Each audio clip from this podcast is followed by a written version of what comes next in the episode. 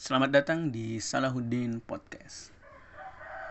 Hari ini gue mau ngomongin tentang uh, gue pengen ganti nama podcast gue dari Salahuddin Podcast. Kayaknya kedengarannya gimana gitu. Iya sih memang beberapa dari temen uh, mention ke gue katanya uh, namanya personal banget ya memang sih alas. Karena karena pas awal gue bikin podcast itu gue nggak tahu mau ngasih nama apa gitu nggak kepikiran sama sekali. Cuma asal buat aja. Jadi ya udah kasih nama gue aja tuh apa salahnya kan. Nggak ada yang protes juga kan itu nama gue ya udah jadilah namanya Salahuddin Podcast. Cuma eh nama awalnya itu ya nama nama, panjang gue Salahuddin Al Ayubi Podcast. Cuma karena gue rasa kepanjangan akhirnya gue pangkas lagi jadi Salahuddin Podcast. Dan sekarang gue ngerasa kayaknya perlu diganti lagi deh. Akhirnya gue pengen ganti namanya mungkin uh, cerita semester akhir. Karena sekarang gue lagi uh, berada di fase mahasiswa tingkat akhir ya. Ya Iya, gue lagi di fase mahasiswa tingkat mahasiswa tingkat akhir dan gue punya banyak kegelisahan berada di fase ini. Dan sepertinya uh, mungkin gue akan banyak bercerita tentang kegelisahan-kegelisahan gue berada di uh, atau sebagai mahasiswa tingkat akhir sebagaimana di episode sebelumnya ya gue udah cerita uh, gimana caranya lulus tiga setengah tahun gitu. Jadi gue pengen ganti nama podcast ini jadi ya cerita uh, semester akhir. Cerita semester sebenarnya gue agak-agak gimana ya rada kan ada dua nih ada cerita semester akhir cerita akhir semester. Kalau cerita akhir semester tuh kesannya ya akhir semester setiap tingkatan kan punya akhir semesternya sendiri. Nah kalau cerita semester akhir berarti ya benar-benar di semester akhir dari tingkat dari jenjang perkuliahan semester akhir ya berarti mahasiswa tingkat akhir makanya gue pengen ngambil atau milih cerita semester akhir. Sebelumnya ada sih nama namanya bukan cerita namanya catatan semester akhir. Cuma gue pikir kalau catatan kedengarannya agak berat gitu agak agak gimana gitu uh, ngucapinnya. Terus didengar juga agak-agak berat. Uh, jadi ya udah ganti aja apa yang kira-kira yang lebih ringan lebih enak didengarnya dan diucapkan yaitu cerita semester akhir. Oke, okay. uh, by the way, uh, hari ini gue habis uh, ngisi materi. Gue habis ngisi materi di acara ta'aruf ya, penerimaan santri baru di salah satu pondok depan rumah gue. Di depan rumah gue tuh ada pondok. Uh, gue juga alumni atau lulusan dari situ dan pembinanya uh, minta gue untuk ngisi salah satu materinya. Uh, untuk tingkatan madrasah sanawiyah atau yang setara, setara dengan SMP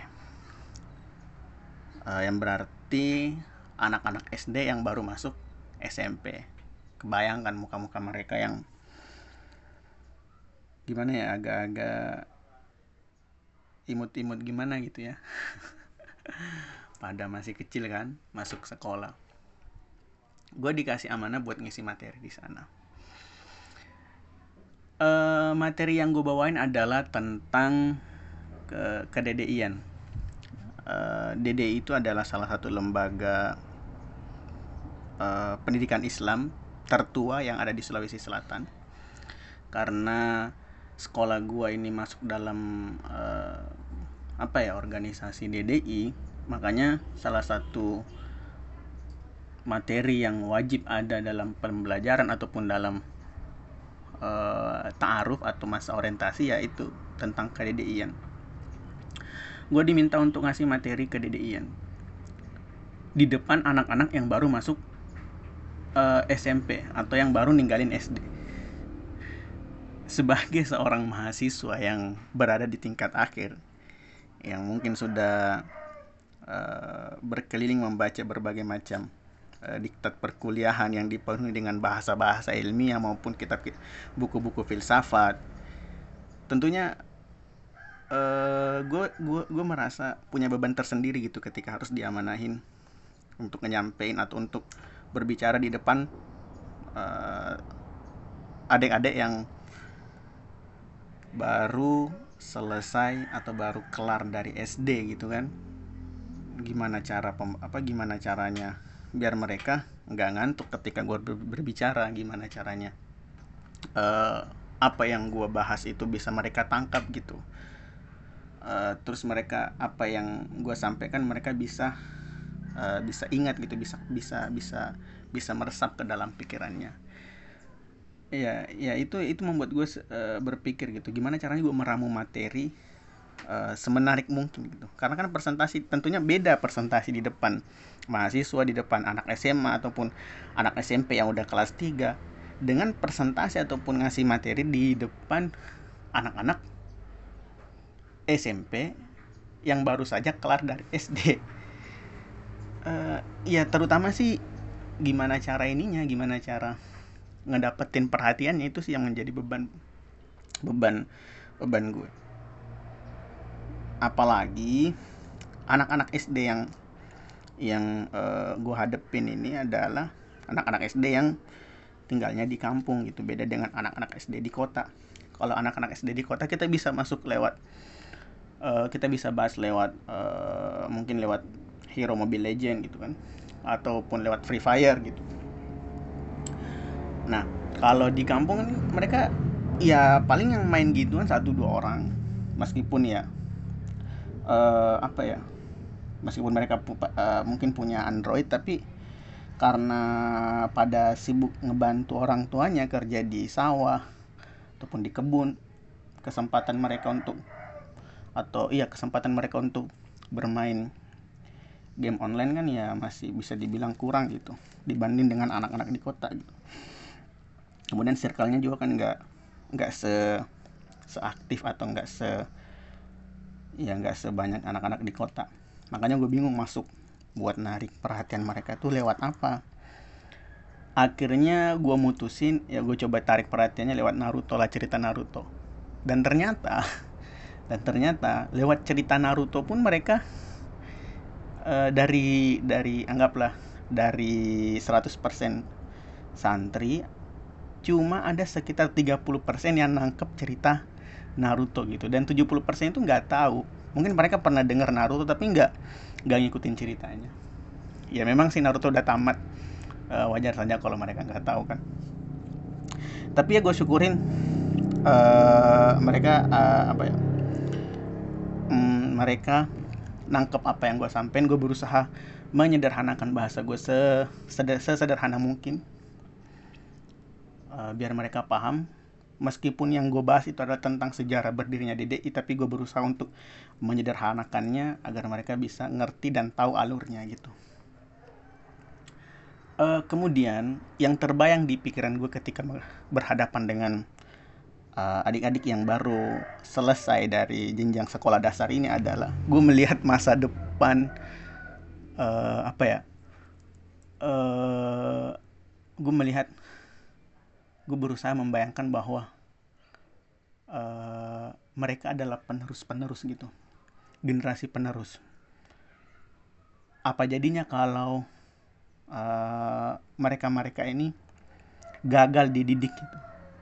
Hingga tidak hingga potensi nggak gue gue gue gue beranggapan gue melihat bahwa mereka itu punya potensi yang besar untuk memberi perubahan di di tempat mereka masing-masing gitu uh, akan sangat menyedihkan ketika mereka ini gagal uh, dalam pendidikan sehingga potensi yang mereka miliki uh, tidak tersalurkan dan ya tidak memberikan dampak apa-apa gitu. Karena gue yakin setiap orang itu punya potensi uh, punya potensi besar untuk memberikan perubahan. Tinggal apakah mereka menyadari potensinya kemudian memberikan kemudian memaksimalkannya ataupun tidak. Makanya ketika gue ngelihat adik-adik yang baru selesai dari SD ini uh, gue ngelihat harapan besar. Sebuah sebuah kesyukuran uh, mereka itu masih punya keinginan untuk melanjutkan pendidikan uh, ke tingkat selanjutnya gitu dari SD ke SMP atau ke MTS itu merupakan sebuah kesyukuran yang yang apa ya yang yang gue rasakan karena di lingkungan tempat tinggal gue sendiri ini ya kalau di kampung kan ya di kota juga banyak sih tapi di kampung itu banyak yang uh, berhenti sekolah mungkin karena faktor ekonomi gitu kan. Apalagi sekarang sekolahnya online. Itu menjadi sebuah tantangan tersendiri. Tapi uh, sebuah kesyukuran atau sesuatu yang patut disyukuri uh, dengan mereka uh, tetap melanjutkan pendidikannya ke jenjang uh, selanjutnya gitu tidak berhenti hanya sampai ke sekolah dasar. Ya gue berharap mereka bisa bisa memaksimalkan gitu bisa memaksimalkan apa yang kesempatan yang dikasih kepada mereka uh, kemudian bisa memberikan perubahan di ke daerah-daerah atau tempat asal mereka semua.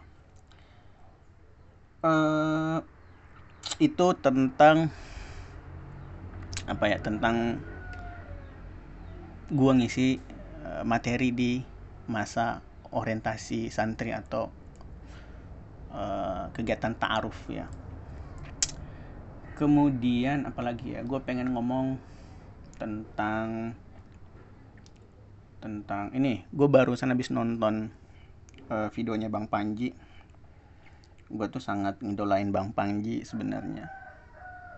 Dan juga bang Dika dua orang yang selalu uh, memberikan apa influence kepada diri gue sendiri. Uh, eh, gue no, baru baru aja bis nonton videonya bang Panji tentang gimana caranya dia berhasil masuk ke delapan besar di podcast setelah sebelumnya sempat terlempar sampai ke 300 sampai tidak kedeteksi lagi di daftar podcast Spotify. Katanya uh, kalau pengen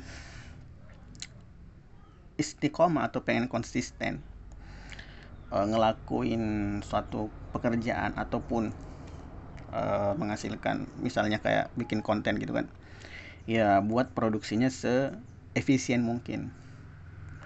Uh, persoalan teknisnya tuh dibuat seefisien mungkin.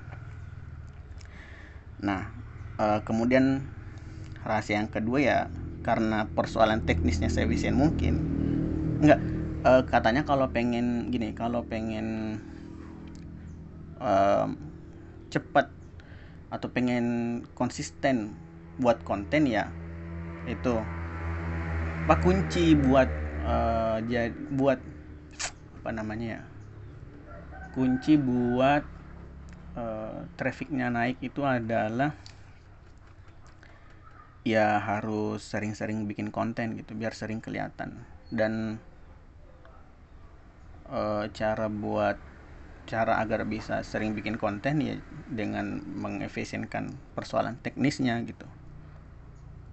Kalau misalnya persoalan teknisnya sudah efisien maka dengan mudah konten itu akan tercipta. Nah, itu sih kata kata bang Panji gitu. Nah gue jadi termotivasi. Ya kenapa nggak gue coba gitu?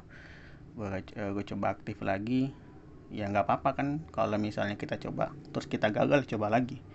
Mumpung masih diberi kesempatan ya kita coba lagi. Dan memang mumpung sekarang masih usianya buat uh, nyoba-nyoba ide ya kenapa tidak gitu. Jangan sampai ketika nanti udah lewat atau udah memasuki usia yang uh, apa udah senjala ya kita hanya bisa menyesal Eh, kegagalan yang apa bu, ketakutan yang terbesar itu bukan bukan uh, di masa depan itu bukan kegagalan tapi ya penyesalan itu salah satu uh, ketakutan yang terbesar kata Bang Radit. Ya udah mumpung lagi masih mumpung masih muda dan masih diberi kesempatan ya kenapa nggak kita coba? Ya ini salah satu usaha gue buat uh, nyoba bikin konten lagi di podcast. Seperti kata Tokopedia ya mulai aja dulu kan. Gak apa-apa yang penting mulai aja dulu. Nanti persoalan teknisnya kita bisa perbaiki ketika kita buat konten lagi. Uh, itu sih yang pengen gue ceritain hari ini. Ya semoga ada manfaatnya. Sampai ketemu di episode selanjutnya